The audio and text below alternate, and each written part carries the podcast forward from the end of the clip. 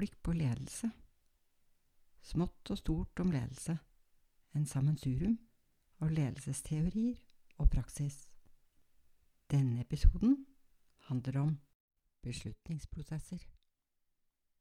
Du som leder må stadig ta beslutninger. Om du lykkes som leder, avhenger mye av hvilke avgjørelser du tar. Om du har gode beslutningsevner, er dyktig til å ta rette veivalg. Valg av beslutningsprosedyre avhenger selvfølgelig av sakens karakter og størrelse. Er du en leder som ikke tar noe særlig beslutninger, som venter litt for lenge med å ta beslutninger, så er ikke det bra. Er du en leder som tar litt for mange beslutninger, som burde ha involvert flere i beslutningene, er heller ikke det bra. Det kan være en ansatt som tar en beslutning, fordi det ikke skjer noe, for ikke du som leder fatter en beslutning. Det skaper gjerne frustrasjon, irritasjon og kanskje sinne i miljøet. Dine evner til å fatte beslutninger som leder vil trolig være avhengig av hvilken type leder du er. Thomas Eriksson, som uh, grupperer ledertyper i fargene rød, gul, grønn og blå, vil nok si at den røde ledertypen har lett for å ta beslutninger. Den gule typen syns nok det er greit andre tar beslutninger, bare det er en selv som blir beundret for andres beslutninger. Mens den grønne ledertypen, som er redd for det ukjente, vil nok kanskje vegre seg for å ta beslutninger. Den blå typen, som trenger lang tid for å ta en beslutning, vil kanskje ikke rekke det før noen andre har fattet beslutning. Sett ovenifra, som et helhetsperspektiv, bør ønsket med beslutningene må være å skape en merverdi for organisasjonen. Flere aktører har utarbeidet forslag til eller metoder for å fremme god kvalitet på beslutningsgrunnlaget. Da snakker vi ikke om forhold av mindre karakter, daglige beslutninger som må gjøres fortløpende, men beslutninger som har vesentlig effekt på bedriften og kanskje eksterne aktører. I veileder til utredningsinstruksen har eh, Direktoratet for forvaltning og økonomistyring flere konkrete tips som først og fremst er tenkt for statlige virksomheter, men som kan like gjerne bli brukt for de private.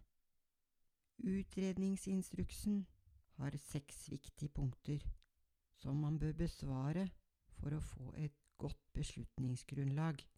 Første punktet er hva er problemet, og hva vil vi oppnå? Målet med å gjøre beslutninger, endringer, er viktig å tydeliggjøre. Punkt to hvilke tiltak er relevant for å komme til målet? 3. Hvilke prinsipielle spørsmål reiser tiltakene? Punkt 4. Hva er de positive og negative virkningene av tiltakene? Punkt 5. Hvilke tiltak anbefales, og hvorfor? Punkt 6. Hva er forutsetningene for en vellykket gjennomføring? Direktoratet har gjort flere undersøkelser som viser svakheter med utredningsarbeid. En del virksomheter har ikke vært tydelig nok med hva er man ønsker å oppnå med endringene. Virksomheter har også vært dårlige på å komme med alternative tiltak for å kunne nå målet. Hvilke virkning de alternative tiltakene har på hver enkelt, har også vært mangelfullt utredet. Du som leder er avhengig av mange for å lykkes med å nå målet.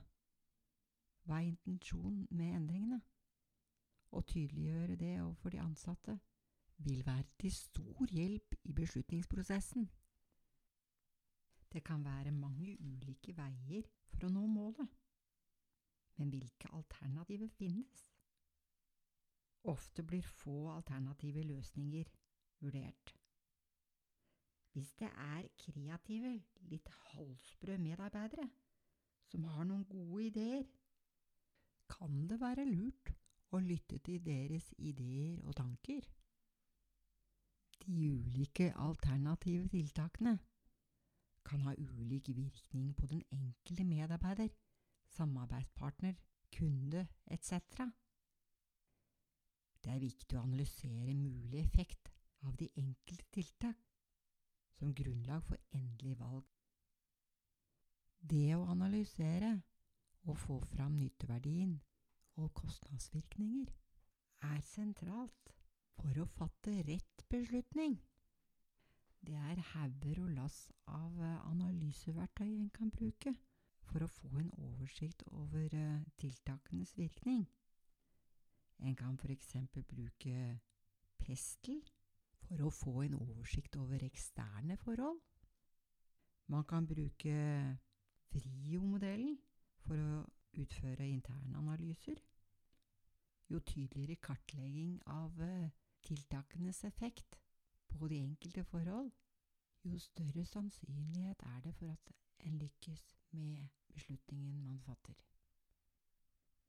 Ikke sjelden så glemmer man som leder at de ansatte kanskje ikke er så endringsvillige som man hadde trodd. Glemmer at de ansatte kanskje ikke er med på forandringene. Det er for deg som leder viktig å ta høyde for at man må jobbe med medarbeiderne for å skape positiv energi. Det er en fare for at den ansatte kan vise motstand. Kanskje fordi den ansatte mister status, lønn eller komfort. Kanskje redd for å bli satt på tørkeloftet. Eller vanskelig for å forstå det ukjente. Ledelsens ideer som den mener ikke lar seg realisere. Det er kanskje få som syns at forandring fryder. Pleier vi kanskje si at dette har vi prøvd før. Andre kan kanskje jatte med. Så har man muldvarpene, eller de som driver med edderkoppvirksomhet. De er kanskje de verste, de farligste. Hvor motstand bygges gjennom nettverk og allianser under overflaten. Organisasjonskulturen og bedriftens prestasjoner henger gjerne nøye sammen. Det er viktig å forstå livet i organisasjonen, virkelighetsoppfatningen og felles normene, verdier og språket i virksomheten. Virksomheter som verdsetter samarbeid, vekstutvikling og konkurranse, har kanskje lettere for å lykkes med endringer enn andre virksomheter. Det er nok ikke så enkelt for en som leder å få til endringer i en organisasjon med litt siderumpa, trauste, lite endringsvillige medarbeidere. Det er særdeles vanskelig å endre kulturen i en bedrift, men umulig er det ikke. En bør som leder bruke mye tid på å motivere de ansatte. Forklare hvorfor man gjør endringene, slik at de ansatte forstår hvorfor man gjør endringer. Være tydelig på hva er hensikten med endringene. Det er ikke alltid like lett for en leder å formidle på en god måte endringene som skal skje, til sine medarbeidere når man kanskje som leder ikke selv er så motivert, og heller ikke særlig endringsvillig i forhold til det som har blitt besluttet på høyere hold. Mange beslutninger fører ikke frem. Planer blir bare lagt i en skuff. Store skuffer, hele arkivskap. Det er et sitat fra en ukjent forfatter. Halvt svar er intet svar. Halvt løfte er intet løfte. Halv beslutning er ingen beslutning.